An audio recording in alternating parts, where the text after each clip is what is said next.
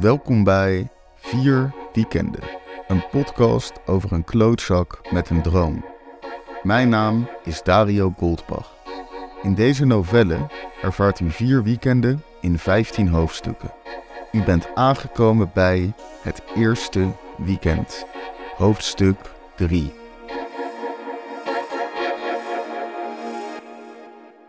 Het is vrijdag en ik haat iedereen. Iedereen gaat vanavond naar Rompslomp, dat feest in de kopstoot. Freddy is net weg. Hij staat er achter de bar. Hij moet misschien werken, maar ik weet dat hij non-stop shotjes met knappe vrouwen aan het nemen is. Het is een uurtje of negen. Ik lig op de bank in Freddy's badjas. Wat een kutavond wordt dit. In mijn eentje op de bank. Ik was nog uitgenodigd om te gaan zuipen bij wat mensen, maar ja, die gaan dan rond één met z'n allen naar Rompslomp. Onmogelijk dat ik binnen zou komen. Jaap fucking Japenga. Ik haat die vent. Gek hoe je iemand die nog nooit iets tegen je heeft gezegd, zo kan haten. Dat monster zonder tong. Hij had daar niet moeten lopen, daar waar ik mijn peuk zou schieten. Eén keer verlaat hij zijn plekje bij de deur. Zie je wat er dan gebeurt? Ligt hij in één keer Red Bull te kotsen op de grond. Lelijkert. Hij lijkt een beetje op Smeagol uit The Lord of the Rings, maar dan een Smeagol verslaafd aan steroïden en Red Bull. Ik haat Rompslomp. Omhooggevallen kutfeest. Met die stomme trendsplaten die iedereen nu opeens zo vet vindt. Ik hoop dat de DJ zijn USB vergeet. Ik haat Club Kopstoot. En vooral de rij. Niet dat ik ooit in de rij hoef te staan, maar toch haat ik de rij. Iedereen die er staat. Niet individueel, maar als geheel. Hijgend naar de deur. Binnen proberen te komen als een loopse hond aan een ketting. Allemaal in hun hipste outfits. Tieten die tegen elkaar worden gedrukt voor Jaap zijn uitpuilende blauwe ogen in de hoop dat hij hem binnenlaat. En die fuckboys met hun amicale schouderklopjes en bezopen fooitjes. Bah. Waarom zou ik daar ook heen willen? Kopstoot. Ik ben er al een miljoen keer geweest. Ik ken die tent als mijn broekzak. Ik ken Den Haag als mijn broekzak. Ik ken al die mensen als mijn broekzak. Altijd weer hetzelfde liedje. Dezelfde plek, met dezelfde drankjes, met dezelfde mensen en dezelfde drugs. Misschien verdoven we onszelf om elkaar te verdragen, om ons erbij neer te leggen, bij elkaar. Ik moet hier vandaan. Zal ik naar Schiphol gaan? Verdwijnen? Kan dat? Dat kan. Het is een geruststellend idee. Weg, net als mijn ouders. Maar waarheen dan? Er zijn veel landen waar ik niet heen wil. Ik heb comfort nodig. Dat staat vast. Nou dan valt er al veel af. Maar ja, ik heb geen geld. Voor de money hoef ik niet in die stenen dump te werken. Maar wat dan wel? Waarom weet ik altijd alleen maar wat ik niet wil? Ik denk dat ik mezelf maar eens ga aftrekken. Dat is wel het eenzaamste wat ik op een vrijdagavond kan bedenken. Heb je wel eens huilend voor de spiegel gemasturbeerd? Ik ook niet, maar iemand moet dat vast en zeker wel eens gedaan hebben. Zieke mensen die er op deze wereld bestaan. Ik pak mijn laptop en zet wat porno op. Ik kan geen goed filmpje vinden. Er wordt hard, maar toch niet overtuigend gekruist. Veertje kruiste overtuigend. Ik heb al een week geen seks gehad. Dat is lang als je drieënhalf jaar met Veertje van voren bent geweest. Hoewel het op het einde wel slecht werd. Slechte seks. Dat merk je toch wel. Aan je libido. Hoe slechter de seks, hoe minder je het wil, hoe slechter het wordt. Het is een aanslag op je ego ook. Het was jammer dat we die zaterdagmiddag tijdens de seks niet wisten dat het de laatste keer was. Dan hadden we wat beter ons best gedaan. Ik klap mijn laptop dicht. Ik heb geen zin meer om me af te trekken. Zal ik gaan douchen? Misschien vanavond een keer vroeg naar bed? Ben ik een keer fris op zaterdag? Ik vind het een griezelig idee. En dan? Vroeg op en gaan wandelen, lekker stofzuigen, wasje draaien, flikker op, ik ben geen tachtig. Ik kijk in de koelkast zonder echte reden. Gewoon zoals je dat soms doet. Even in de koelkast kijken. Misschien ligt er opeens een gebraden kip. Maar dan, misschien wel beter dan kip. Bier. Twee sixpacks. Zomaar. Ik heb ze niet gekocht. Het moet Freddy geweest zijn. Die zijn nu van mij. Ik open een blikje en neem een gulzige slok.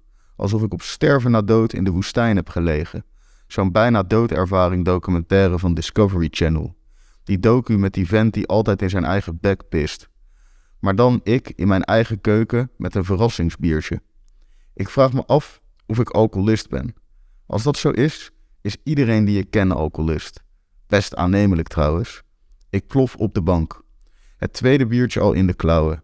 Ik ga dronken worden. Alleen. Dan zet ik wat house op en dans ik in de woonkamer met mijn ogen dicht. Doe ik net alsof ik daar ben, daar waar de rest is. FOMO. Ik heb nu een aanval. Wie kan ik bellen? Iedereen is daar. Misschien moet ik Club Kopstoot bellen, doen alsof ik een dokter ben en zeggen dat Jaap's moeder op sterven ligt. Dan moet Jaap zijn plekje aan de deur wel verlaten. Dan kan ik binnenkomen. Ik overweeg het serieus. Dan besef ik dat Jaap waarschijnlijk geen moeder heeft en is grootgebracht door wilde honden op een prairie. Dit plan is gedoemd te falen. Ik open het derde of vierde biertje. Mijn telefoon trilt. Als het iemand is die vraagt hoe laat ik naar Roemslop ga, gooi ik mijn telefoon uit het raam. Het is mijn moeder. Ik ontvang een foto van mijn moeder die poseert naast een bord gigantische gamba's. Kom je hier zo de zee uit op je bord, schrijft ze. Mijn handen trillen een beetje, alsof ik zojuist verschrikkelijk nieuws heb ontvangen. Maar dat is onwaar. Dit berichtje is als elk andere berichtje wat ik de afgelopen vier jaar van ze krijg. Leuk, mam. Ik vraag me af wat ik eens terug zal sturen. Welk positief bijvoeglijk voornaamwoord kies ik deze keer?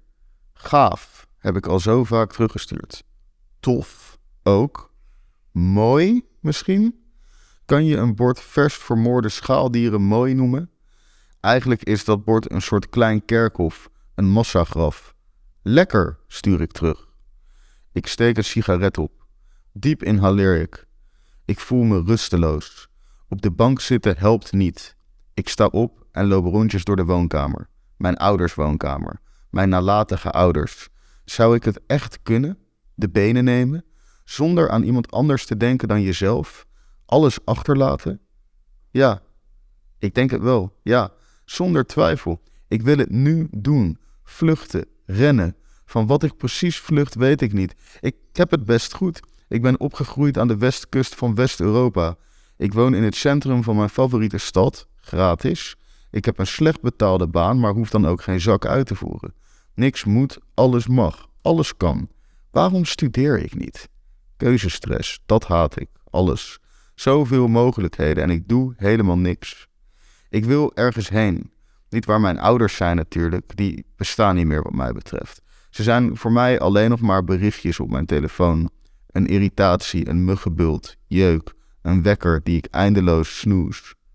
Opeens stouw ik het overgebleven sixpack in een plastic zak. Ik moet dit huis uit, mijn ouders huis uit. Ik kan hier nu niet meer zijn. Ik ben aangeschoten, alleen en bang. Nee, in paniek. Ik moet ergens anders dit bier drinken. Mijn handen trillen bijna oncontroleerbaar. Mijn sigaretten zijn ook op. Afkikverschijnselen. Albert Heijn, Torenstraat. Ik ben daar. Freddy's badjas ingeruild voor de eerste kleren die ik kon vinden. Ik ben godverdomme om de hoek van Club Kopstoot. Ik wil er een steen door de ruit gooien. Dat nesosilicaat uit de zaak. De radioactieve steen. De kopstoot voor koppijn. Leiers. Mijn handen trillen minder. Zodra ik de voordeur uitliep, kalmeerde ik. Een beetje.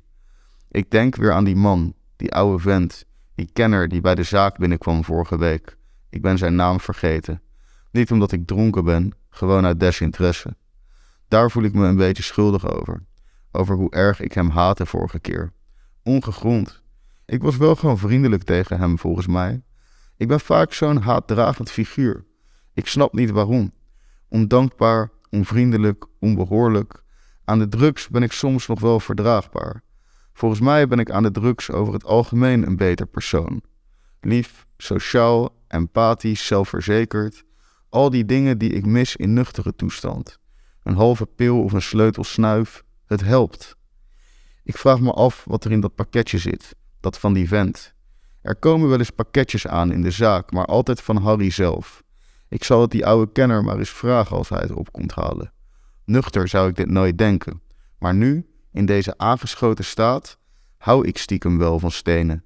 Ze geven de tijd zo goed weer. Een rotsformatie gaat niet veel veranderen in de span van een generatie, maar veranderen doet het zeker, op een andere schaal dan voor de mens te beseffen.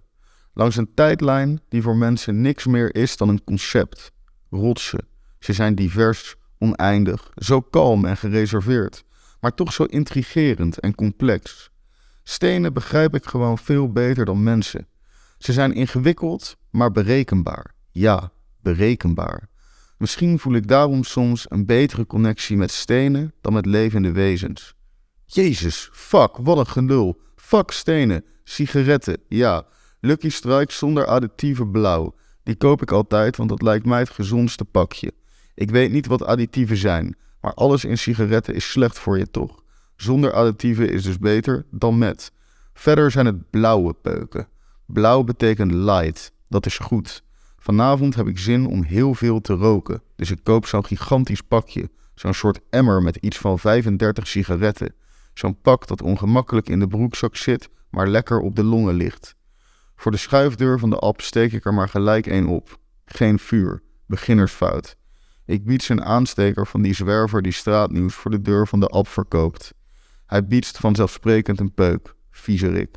Ga eens naar de kapper, scheer jezelf, neem een douche, zoek een baan, in plaats van dat vieze krantje te verkopen dat letterlijk niemand wil. Volgens mij heeft niemand in jaren ook maar één artikel in die krant gelezen. Het is een schande hoeveel bomen er op jaarbasis sterven voor het straatnieuws. Mijn telefoon trilt. Als het iemand is die vraagt hoe laat ik naar rondslomp ga, gooi ik mijn telefoon voor de tram. Ik voel dat mijn telefoon blijft trillen. Iemand belt. Wie belt er nou weer? Niemand belt tegenwoordig. Bellen betekent dringend. Bellen betekent paniek. Laat ik maar opnemen. Het is Freddy. Freddy? Freddy belt nooit. Is Jaap dood? vraag ik zodra ik opneem. Nee, maar ik weet wel hoe je binnenkomt. Praat met me. Ken je Kelly? vraagt Fred. Vieze Kelly? Kelly Kruger? Nee, natuurlijk niet. Wat heeft Kelly Kruger nou weer met de kopstoot te maken? Ja, weet ik veel. Kelly Koisma. Die met die bril. Nee, die met die billen. Ja, die met die billen, die had toch een bril? Nee, die heeft nu lenzen. Is dat Kelly waar Hans mee is gegaan? Is Hans Haring met Kelly Koisma gegaan? Nee, tuurlijk niet. Wat moet Hans Haring nou met Kelly Koisma? Ja, weet ik veel. Hansje, kleine Hans, Hansje van Ham. Oh, die met die lenzen. Ja, die heeft nu een bril. Ja, die Kelly, ja. Die met Hansje van Ham is gegaan. Kenny Koisma. Kenny Koisma, zeg ik. Nou, die werkt hier achter de bar, maar de trein heeft vertraging. En de hele bar moet nog ingeruimd worden. Dat kan ik niet alleen. Als jij me nu komt helpen, ben je binnen en red je het barpersoneel. Iedereen blij. Ja, en Jaap dan? Komt goed. Je bent personeel vanavond. Word ik betaald? Doe normaal, je komt binnen. Waar ben je nu? Bij die app, bij die vent bij het straatnieuws. Oh, nee joh, neem je er eentje voor me mee? Je maakt een grapje, toch? Ja. Mijn complete visie op het leven is zojuist 180 graden gedraaid. Mijn avond heeft weer zin. Ik haat Kelly Koisma met die bril, maar nu helpt ze me. Alle angst en paniek die ik in mijn ouders woonkamer had, is verdwenen als tequila na een lik zout. Ik ben ready. Morgen ben ik brak, zoals het hoort. De sixpack in de plastic tas geef ik aan de zwerver. Die heb ik niet meer nodig. Heeft die arme vent ook wat. Ik snel wandel naar Club Kopstoot, waar nog enkel de hekken van de rij voor de dichte deur staan. Stilte voor de storm. Ik bel Freddy. Nadat hij me heeft uitgelachen omdat ik bij de hoofdingang sta in plaats van die bij de backstage, ben ik binnen. Voor ik het weet heb ik de sleutel van de voorraadkast in mijn hand. Gek hoe de avond kan lopen. Eerst dacht ik de hele avond thuis te gaan zitten janken. Nu sta ik in de voorraadkast van de kopstoot. Is dit hoe de hemel eruit ziet? Whisky, wodka, gin, tequila, jeger, jenever, wijn, bubbels en niet in kleine hoeveelheden. Ik pak een krat cola en loop terug naar de bar. De club ziet er zo anders uit als die leeg is. Nou ja, leeg. Hier is het geen stilte voor de storm. Overal lopen mensen in het rond. Decoratie, palmbomen worden opgehangen, lasers worden afgesteld, soundchecks zijn in volle gang, gastenlijsten worden aangepast en ik ren ook rond. Kratten cola, Fanta en Sprite, emmers met ijs, dozen met duizenden bekertjes, rietjes en natuurlijk papieren parapluutjes. Zonder papieren parapluutjes geen feest. Niemand lijkt me te herkennen van de bijna fatale sigaret van vorige week, maar ik ben Jaap Japega nog niet tegengekomen. Die herkent mij zonder twijfel sowieso zeker weten direct gelijk. Het sjouwen heeft me een beetje ontnuchterd. Ik sta in de voorraadkast en bedenk hoe ik een stapel kratten het efficiëntst kan verplaatsen om bij een tray Red Bull uit te komen. Die tray doet me denken aan Jaap. Niet alleen vanwege de vloeistof in de blikjes, maar ook vanwege de vorm en het gewicht. Vierkant en zwaar. Iemand anders komt de voorraadkast in. Ik kijk om en zie Freddy. Doe me de sleutel van de voorraadkast. We zijn in de voorraadkast. Doe me nou maar de sleutel. Ik overhandig de sleutelbos en Freddy draait de deur van binnen in het slot. Hij scheurt twee shotglaasjes uit het plastic en vult ze met Jägermeister. Op romslomp, omhoog gevallen kutfeest, we proosten. Nog één, zeg ik. Deze was zo weg. Freddy glimlacht. Een half uurtje later is de bar ready. De deuren openen over twintig minuten. We hangen aan de bar met een aantal mensen. Die snor was er ook weer bij. Hij heet Merijn, weet ik ondertussen.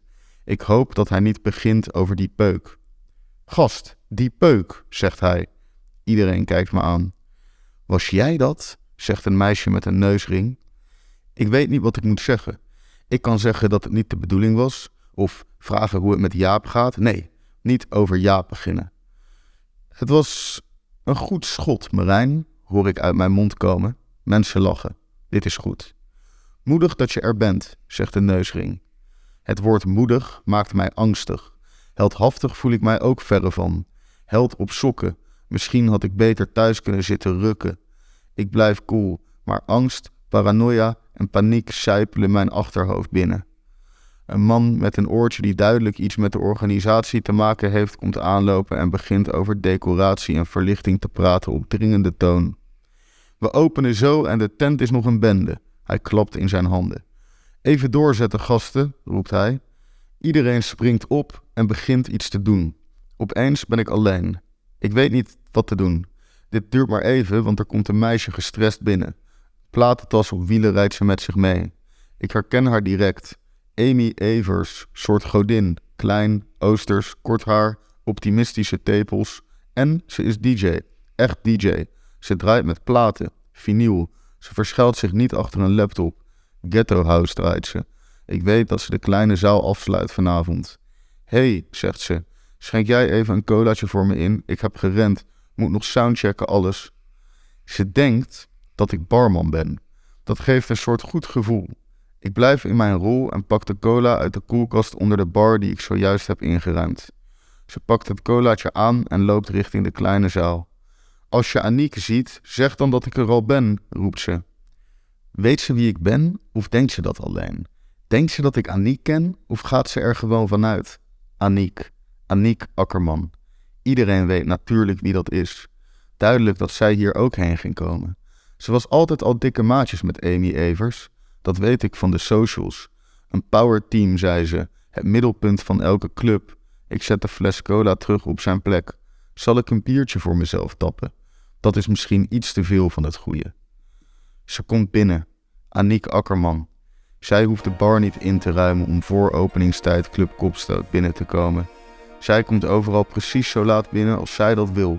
Haar schoenen zwart, leer, haar broek zwart, strak, haar sokken wit, expres. Geen versleten witte sportsokken, nee, wit. Uitgedacht wit. Zachte sokken waarschijnlijk, lekkere. Shirtje zwart zonder mouwen, met zo'n hoge kraag. En een witte jas, dik, met veren. Een jas met fucking veren? Wat een rockster. Haar haar rood met een pony, zwarte lippenstift. Godverdomme, wat een ongelofelijke verschijning. Ik bedenk dat ik waarschijnlijk al aan het kwijlen ben terwijl ik veel te duidelijk naar haar staar.